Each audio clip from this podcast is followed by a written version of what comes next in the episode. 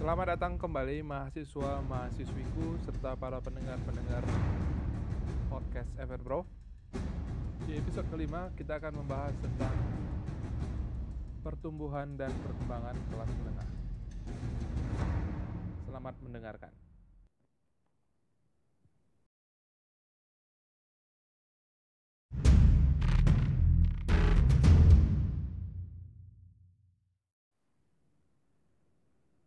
Untuk membahas pertumbuhan dan perkembangan kelas menengah dari perspektif ilmu politik dan ilmu ekonomi, khususnya ekonomi pembangunan, saya akan bagi pembahasan dalam tiga subbagian yaitu pertama soal awal mula pertumbuhan kelas menengah, kemudian konteks kelas menengah yang ada di Indonesia atau kelahiran kelas menengah yang ada di Indonesia. Kemudian yang ketiga nanti tentang kelas menengah Indonesia saat ini. Nah, untuk yang pertama mengenai awal mula, kaum borjuis ataupun para pedagang Eropa di abad 11 sering disebut sebagai generasi pertama kelas menengah. Di abad tersebut struktur masyarakat di Eropa itu terbagi dua, yaitu kerajaan di kelas atas, ada masyarakat di kelas bawah. Kerajaan tersebut termasuk di dalamnya juga ada golongan bangsawan ataupun tuan tanah yang dipercaya untuk mengelola tanah. Nah, sementara kelas bawah adalah e, budak ataupun para petani yang mengelola tanah yang dikuasai oleh kelas atas tadi. Jadi hubungan mereka adalah sifatnya eksploitatif. Kelas atas mengeksploitasi kelas bawah. Nah, kelas menengah itu merujuk pada pedagang yang tadi saya sebutkan bahwa mereka menjadi kelompok masyarakat baru yang independen dan relatif tak terikat dengan raja atau bangsawan. Tadi kalau kelas bawah, petani, budak itu terikat dengan raja ataupun bangsawan karena mereka bekerja menggarap tanah-tanah dari wilayah kerajaan yang dikuasai oleh para bangsawan. Nah, kelas menengah itu di luar hubungan eksploitatif dua kelas utama tersebut. Dan mereka juga nggak mengincar posisi tuan tanah ataupun bangsawan. Ya. Jadi mereka datang menjadi kelas di antara kelas atas dan kelas bawah. Nah, pada perkembangannya di abad 13, bangsawan kemudian bersama dengan rakyat memberontak kepada Raja John di Inggris karena Raja John menerapkan pajak yang sangat tinggi kepada bangsawan dan rakyat. Sehingga bangsawan yang tadinya lebih dekat dengan kelas atas kemudian bergabung bersama rakyat memberontak kepada Raja John. Dari pemberontakan tersebut lahir yang namanya Magna Carta, yang dikenal sebagai dokumen pertama hak asasi manusia di dunia. Kemudian Hal tersebut berimbas pada transformasi Inggris menjadi negara monarki konstitusional. Lebih jauh lagi, perjanjian itu menjadi prototip lahirnya parlemen. Ya, parlemen pertama lahir di Inggris akibat dari situasi yang tadi, dan para anggotanya adalah bangsawan dan orang kaya, para anggota di parlemen tersebut. Nah, ada perubahan di Eropa mulai dari abad 14, 15, 16 secara perlahan-lahan dominasi gereja yang menguasai tanah, mengontrol politik, mengendalikan sains diruntuhkan. Dan Eropa memasuki yang namanya abad pencerahan, zaman pencerahan atau dalam bahasa Jerman disebut Aufklärung. Ya. Di situ ada pergeseran di mana tanah, politik, sains, masyarakat, budaya itu dibebaskan dari dominasi gereja atau istilah lain ada proses sekularisasi. Nah, proses itu kemudian diikuti dengan revolusi industri di abad 18. Ketika jumlah kemudian jumlah buruh eh, meningkat signifikan, kemudian buruh kemudian masuk parlemen, kemudian mulai berkembang, mulai lahirlah kelas-kelas menengah. Tadi sebenarnya kelas menengah itu sudah muncul pertama kali ketika pedagang-pedagang di Eropa itu eh, sudah mulai eh, lahir ya. Ya perdagangan juga kalau ditarik ke belakang lagi itu ada akibat adanya perdagangan, pertukaran dan seterusnya. Nah, tapi titik poin kelahiran kelas menengah itu adalah setelah runtuhnya abad pertengahan ataupun runtuhnya dominasi gereja masuk ke abad pencerahan, kemudian diikuti dengan revolusi industri, kemudian masuk masa modern. Jadi itu adalah pengalaman di Eropa, khususnya Eropa Barat. Nah, di situ kelas menengah itu kemudian me menciptakan mendesain negara.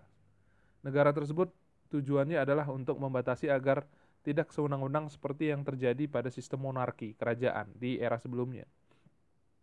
Nah, selain di Eropa, di Jepang juga terjadi modernisasi, eh, sorry, terjadi abad pencerahan yang disebut dengan restorasi Meiji. Tepatnya pada tanggal 3 Januari 1868 ketika kepemimpinan shogun itu beralih setelah Keiki Yoshinobu menyerahkan kuasaannya kepada kaisar Jepang yang bernama Meiji Tenno. Kemudian Meiji me membuat ataupun meniru zaman pencerahan dan juga era modern yang sudah terjadi di Eropa saat satu abad sebelumnya gitu. Jadi Jepang juga melakukan pencerahan atau off klarung ya restorasi Meiji yang kemudian di yang sangat terkenal kemudian itu mengubah ekonomi Jepang salah satunya adalah dibentuk majelis di mana mirip seperti Inggris ketika ada parlemen pertama kali di dunia di Jepang ada majelis yang isinya adalah membahas persoalan rakyat menghapus semua aturan feodal kemudian ada juga menghasilkan hak-hak untuk masyarakat seperti uh, hak untuk beragama, kemudian juga HAM dan lebih canggih lagi adalah ilmu pengetahuan dicari ke seluruh dunia oleh Jepang. Jadi uh, Kaisar Meiji itu mengirim semua orang-orang Jepang ke seluruh dunia untuk mengumpulkan ilmu pengetahuan dan kemudian menerapkannya di Jepang. Jadi itu adalah uh, zaman pencerahan di Jepang yang kemudian menghasilkan kelas menengah ya seiring dengan ada modernisasi seiring dengan ada uh, kesempatan kan pertemuan sebelumnya saya sudah jelaskan bagaimana demokrasi itu memberikan kesempatan untuk orang berusaha kemudian hal tersebutlah yang bisa menimbulkan ataupun meningkatkan masyarakat menjadi eh, status masyarakat menjadi kelas menengah. Nah, sekarang kita bahas apa sebenarnya definisi kelas menengah. Sebenarnya tidak ada definisi pasti. Uh, tapi kelas menengah itu biasa paling gampang dilihat dari dimensi ekonomi karena bisa diukur. Diukur dari mana? Dari pendapatan. Nah, Bank Dunia misalkan tahun 2018 menyebut kelas menengah itu adalah orang yang pengeluaran per kapitanya itu antara 7,5 sampai 35 US dollar per hari. Per hari. Ya, jadi 7,5 US dollar dengan kurs rupiah 15.000 itu berapa? Ya, kalikan sendiri. Kira-kira kalau pengeluaran Anda di atas itu sampai 38 US dollar, berarti Anda kelas menengah, bisa dikatakan kelas menengah versi Bank Dunia. Nah, di atas kelas menengah ada kelas atas, upper class, yang jumlahnya sedikit tentu saja. Kemudian di bawah kelas menengah ada aspiring middle class atau calon kelas menengah. Kemudian paling bawah ada vulnerable dan juga miskin, kelas miskin. Nah, ada versi lain, Cyrillus misalkan menyebut kelas menengah adalah yang pendapatan per kapitanya sekitar US eh, 3000 US dollar. Indonesia sendiri kan 3200-an kalau nggak salah, sehingga kalau pakai eh, kriteria Cyrillus, Indonesia termasuk yang punya jumlah penduduk kelas menengah yang sangat besar. Gitu. Nah, potensi kelas menengah itu sangat tinggi karena di Indonesia ya, karena besarnya proporsi penduduk Indonesia 15 berusia 15 sampai 65 tahun. Sehingga Indonesia itu punya tingkat konsumsi, tabungan dan investasi yang tinggi. Ada tiga pendekatan secara umum dalam literatur ilmu-ilmu sosial, termasuk dalamnya ilmu politik, sosiologi, ekonomi pembangunan, dan seterusnya, yaitu pendekatan Weberian, pendekatan Marxian dan pendekatan uh, cultural studies. Pendekatan Weberian melihat bahwa kelas menengah itu bisa menjadi pendorong ataupun penghambat perubahan. Ya. Ini perspektifnya sosial politik. Misalkan begini, ada beberapa contoh. Hitler ketika dia naik menjadi kanselir di Jerman ataupun Führer di Jerman, dia itu didukung oleh middle class Jerman. Dia menang lewat pemilu yang di mana para kelas menengah Jerman itu mendukung dia. Gitu. Jadi kelas menengah di situ kemudian menjadi faktor pendorong uh, perubahan yang terjadi di Jerman. Demikian pula di negara-negara Amerika Latin, kelas menengahnya itu mendukung pemerintahan junta militer. Ya, sebaliknya di Filipina, kelas menengah itu uh, mendukung people power. Peristiwa yang sangat terkenal dari Filipina. Jadi dari pendekatan Weberian ini, mereka kelas menengah itu adalah orang yang bisa mendorong ataupun menghambat perubahan. Nah, tumbuhnya kelas menengah ini adalah konsekuensi dari perubahan ekonomi ketika terjadi transformasi kelompok masyarakat feodal menjadi demokratis. Tadi di abad pertengahan itu adalah feodal. Di Jepang pada masa shogun itu adalah feodal. Tetapi di Eropa setelah ada abad e, pencerahan dan di Jepang ada restorasi Meiji itu berubah menjadi uh, situasinya demokratis dan hal tersebut mendorong tumbuhnya kelas menengah. Kemudian pendekatan kedua atau pendekatan Marxian ini adalah perspektif ekonomi politik. Pendekatan ini melihat bahwa sistem kapitalisme adalah jalan pembuka kemunculan kelas menengah melalui terbukanya kesempatan berkarir di perusahaan-perusahaan modern. Sebenarnya sama saja, intinya adalah bahwa uh, pencerahan kemudian yang menghasilkan demokrasi dan menghasilkan kapitalisme itu adalah jalan pembuka untuk kemunculan kelas menengah. Nah, kelas menengah itu juga dibentuk oleh negara yang berperan sebagai birokrat, anggota militer, intelektual. Itu juga digolongkan oleh uh, pendekatan Marxian sebagai kelas menengah. Gitu. Jadi, kenapa penting mempelajari kelas menengah?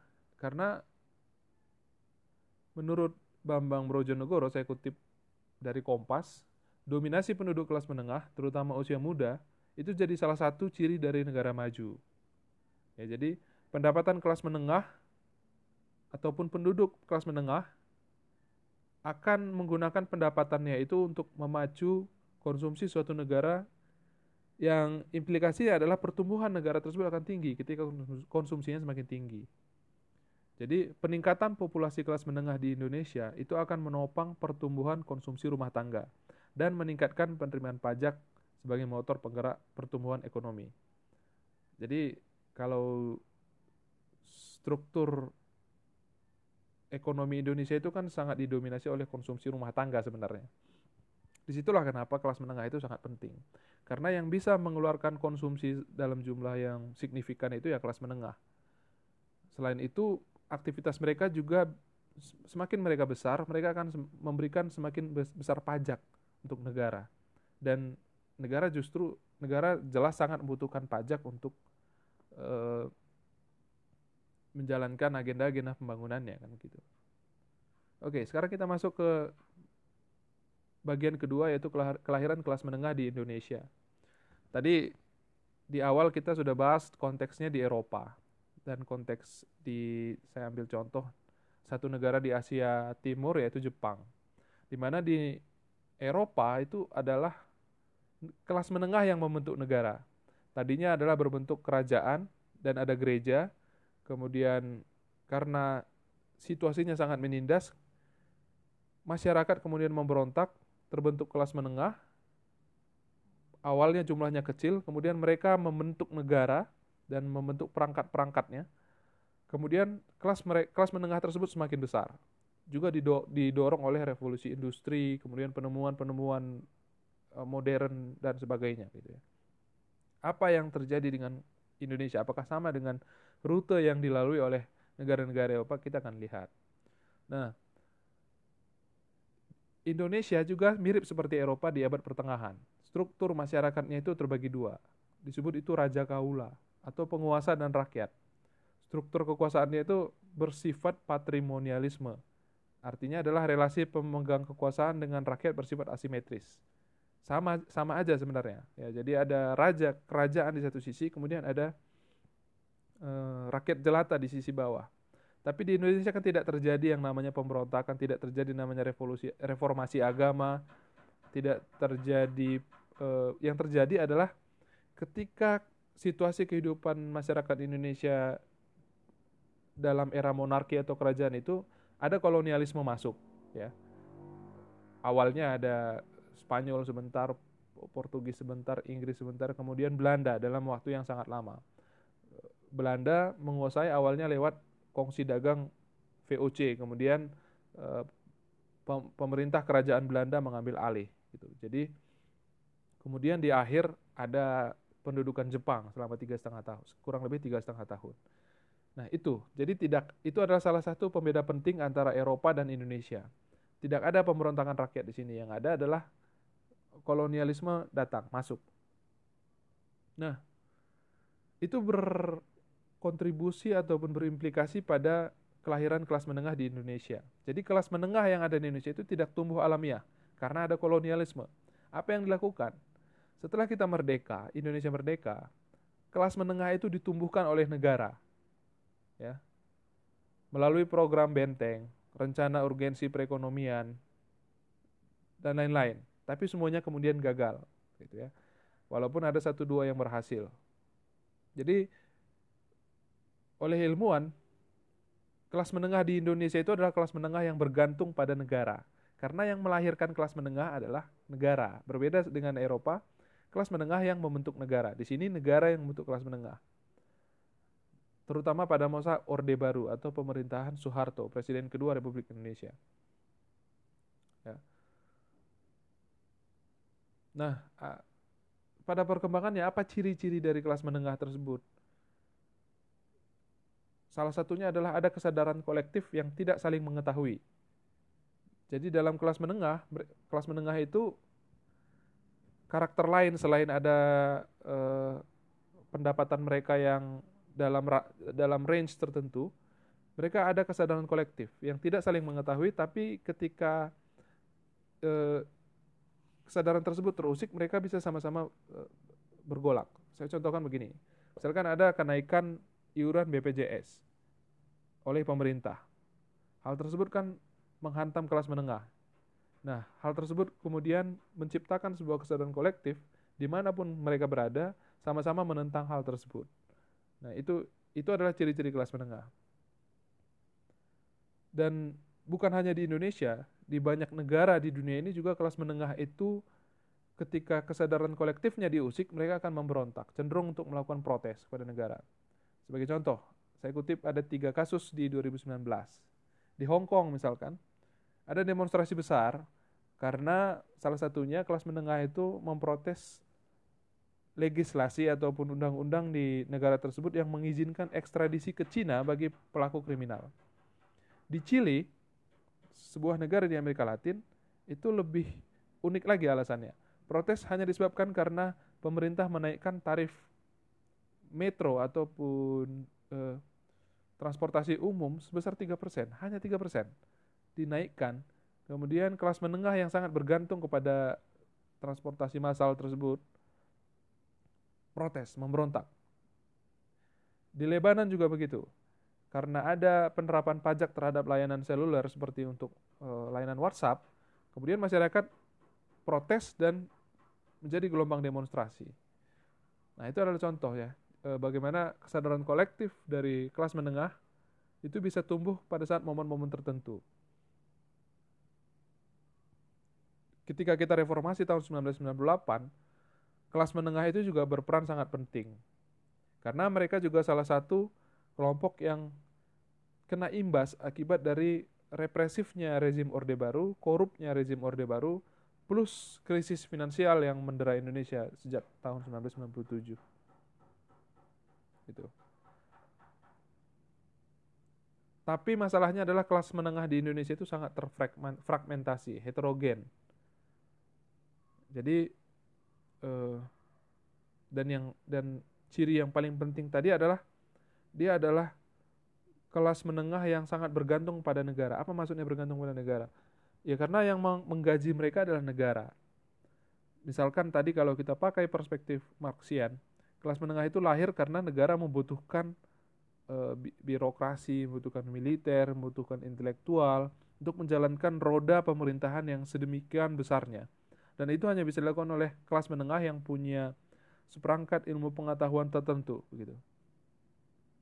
Dan di Indonesia juga para pengusaha yang ada yang tumbuh itu adalah uh, juga bergantung sangat negara eh, juga bergantung sangat bergantung dengan negara karena mereka mengakumulasi modalnya itu secara primitif artinya adalah mereka itu tumbuh karena mendapatkan fasilitas konsesi monopoli eh, hak impor dan lain-lain itu beda sama pengalaman pengusaha di Eropa yang mereka memang besar karena pasar, besar karena ya invisible hand kalau kata Adam Smith. Oke. Okay. Kenapa kelas menengah tersebut bisa menjadi sedemikian signifikan bagi ekonomi maupun politik? Ada istilah, ada konsep yang namanya transformasi struktural.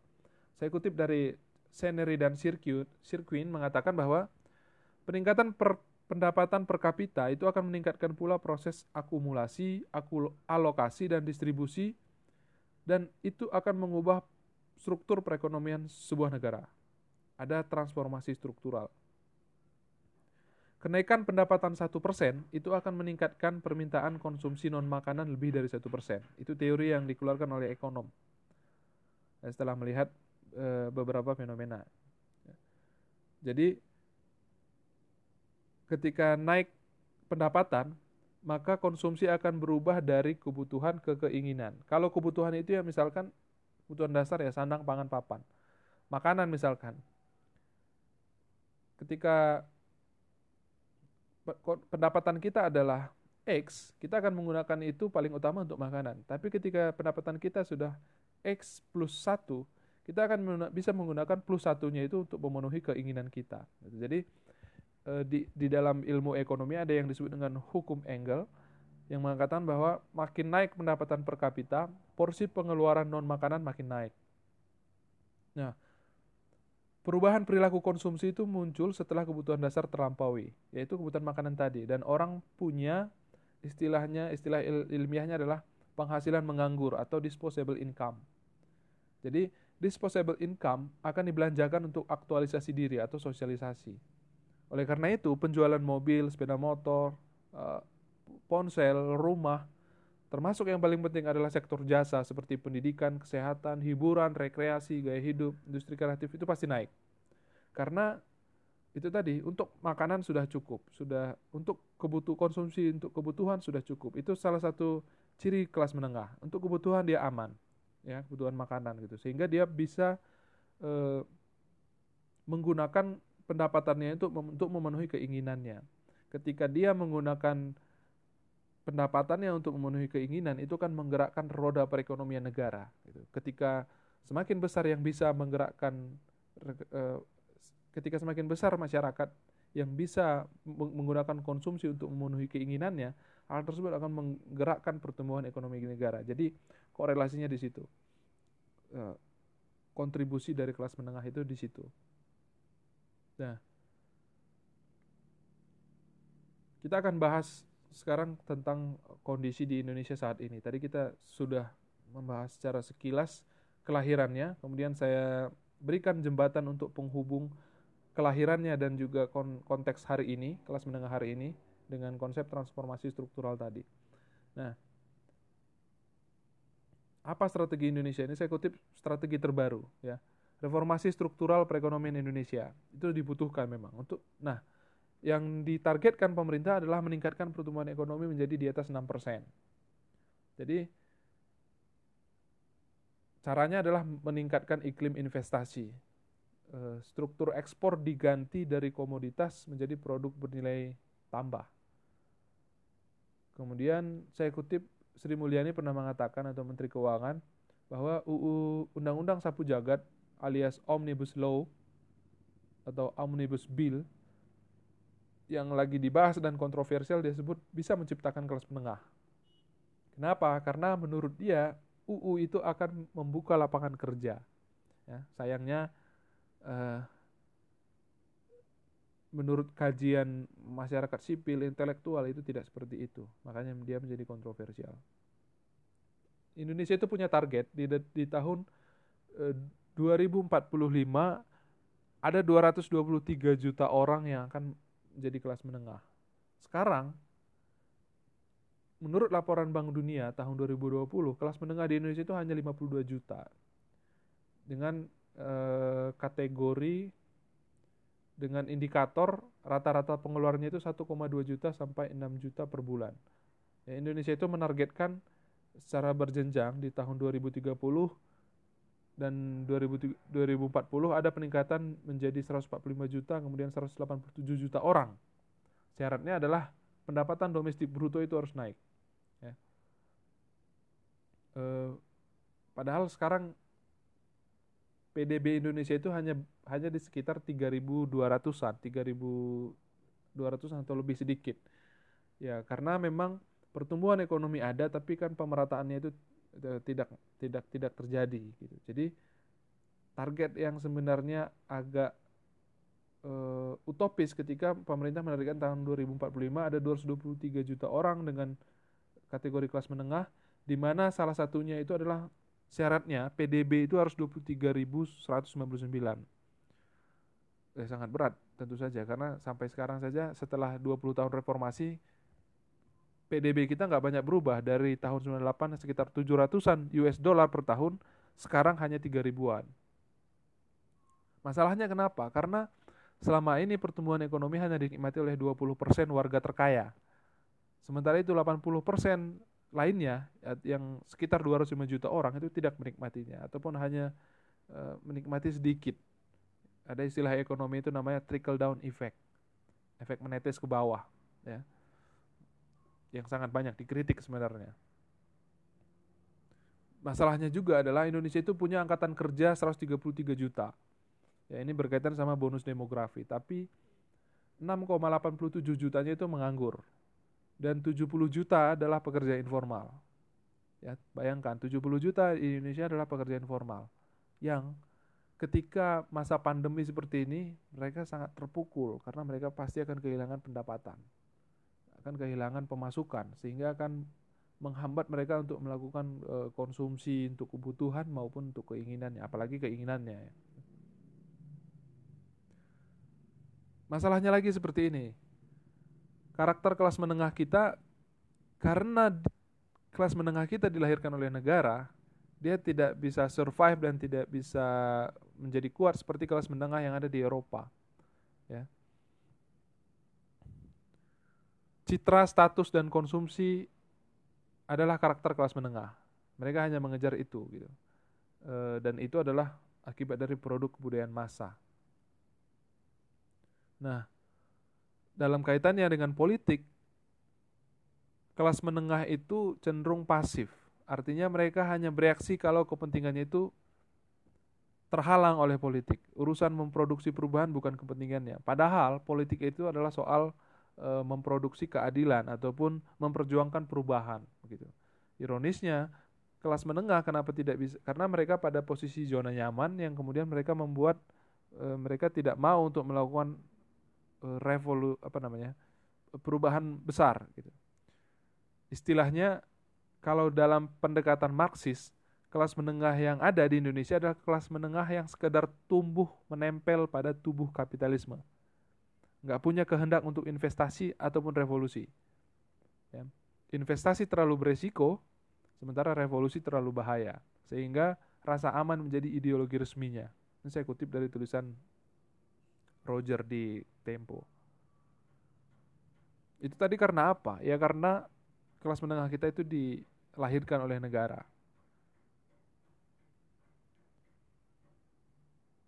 Nah, tapi kelas menengah itu bisa mengundang investasi asing tiba di sini, gitu. karena itu tadi, karena kebutuhan untuk memenuhi keinginan mereka seperti eh, produk-produk elektronik, kemudian rekreasi segala macam itu kan dicari oleh kelas menengah kita dan itu menjadi peluang bagi negara lain untuk berinvestasi di sini. Begitu. Nah, yang yang kemudian menjadi masalah adalah karakter kelas menengah tersebut membuat pertumbuhan ekonomi di Indonesia itu bukan akibat produktivitas kelas menengah. Jadi kalau di negara-negara barat produktivitas kelas menengahnya itu menumbuhkan ekonomi nasionalnya, tapi di Indonesia enggak. Pertumbuhan ekonominya bukan karena produktivitas kelas menengah, tapi karena permintaan kelas menengah di negara lain seperti misalkan Cina dan India, dua negara dengan populasi terbesar di dunia yang juga sedang tumbuh dan memerlukan energi dan bahan mentah di Indonesia. Jadi itu adalah anomali dan masalah yang menjadi pekerjaan rumah untuk ilmuwan sosial termasuk dalam ya ilmuwan politik, ilmuwan ekonom, ekonom dan dan lain-lain untuk mengurai masalah ini. Jadi eh, gangguan sistem produksi di Cina karena penurunan permintaan Eropa dan Amerika akan segera memperlambat perekonomian nasional. Lalu kredit macet kelas menengah akan menumpuk. Nah itu eh, kira-kira dampak efek berantainya karena itu tadi, pertumbuhan kelas menengah kita itu, pertumbuhan ekonomi kita itu bukan karena produktivitas kelas menengah. Tadi kan diharapkan kelas menengah itu untuk e, menumbuhkan ekonomi nasional Indonesia. Tapi nyatanya pertumbuhan ekonomi kita tumbuh karena ada permintaan energi dan bahan mentah yang kita sangat kaya dengan itu gitu. Oke. Pertanyaan terakhir, apakah ataupun pembahasan terakhir, apakah kelas menengah menjadi kelompok penekan yang penting dalam ekonomi politik Indonesia? Gitu ya. Jadi setelah 1998, relasi kekuasaan dan modal itu terpencar. Dulunya sangat terpusat di Soeharto. Tetapi setelah 98, kekuasaan itu tidak lagi berada di istana, di pusat, di Jakarta, tapi terpecah hingga ke daerah. Oleh karena itu, modal juga berpencar. Oleh karena itu, kelas menengah juga berpencar di setiap daerah. Nah, ada efek positif terhadap iklim ekonomi politik di Indonesia dengan kelahiran kelas menengah. Kelas menengah itu punya kecenderungan untuk menuntut kualitas pelayanan jasa publik dan kualitas barang yang lebih baik. Karena itu tadi mereka untuk soal kebutuhan sudah aman. Gitu. Jadi permintaan mereka itu permintaan dari kelas menengah bergeser dari barang murah ke kualitas baik. Ketika Anda belum kelas menengah, Anda butuh ponsel, Anda akan cari yang harga minimum saja. Yang penting fungsinya terpenuhi. Tapi ketika Anda sudah menjadi kelas menengah dan punya banyak e, pendapatan untuk dikeluarkan memenuhi keinginan Anda, Anda bisa punya pilihan mencari kualitas yang terbaik gitu. Walaupun mungkin fungsinya sama saja antara Eh, barang yang harganya lebih murah dengan yang harganya lebih mahal. Dalam konteks pemerintahan, kelas menengah itu akan menuntut pemerintah dan parlemen yang bersih. Itu positifnya. Ya, jadi itu jadi e, dengan kondisi tersebut pemerintah itu nggak bisa lagi hanya fokus kepada akses, tapi juga kualitas. Kalau dulu kita kalau dulu ketika kelas menengah itu masih kecil, e, negara itu diributkan bahwa nggak semua masyarakat punya akses kepada pemerintahan, nggak semua masyarakat punya akses terhadap sumber-sumber daya negara, misalkan bantuan, nggak semua aksesnya mana gitu. Tapi sekarang nggak begitu lagi. Isunya sudah, diskursusnya sudah berbeda dari soal akses ke kualitas.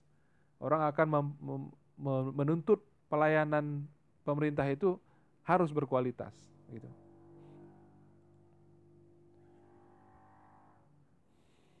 Nah, Itulah tadi pembahasan mengenai pertumbuhan dan perkembangan kelas menengah. Saya sudah jelaskan apa pentingnya topik ini dibahas dalam mata kuliah ekonomi politik eh, dan ini adalah menjadi tugas bagi calon-calon sarjana ilmu politik, sarjana ilmu ekonomi pembangunan, bahkan sarjana yang lain di ilmu sosial dan ilmu humaniora juga untuk e, mengurai benang kusut masalah yang yang yang kompleks tadi. Terima kasih sudah mendengarkan episode ini. Sampai ketemu di episode ke-6. Salam.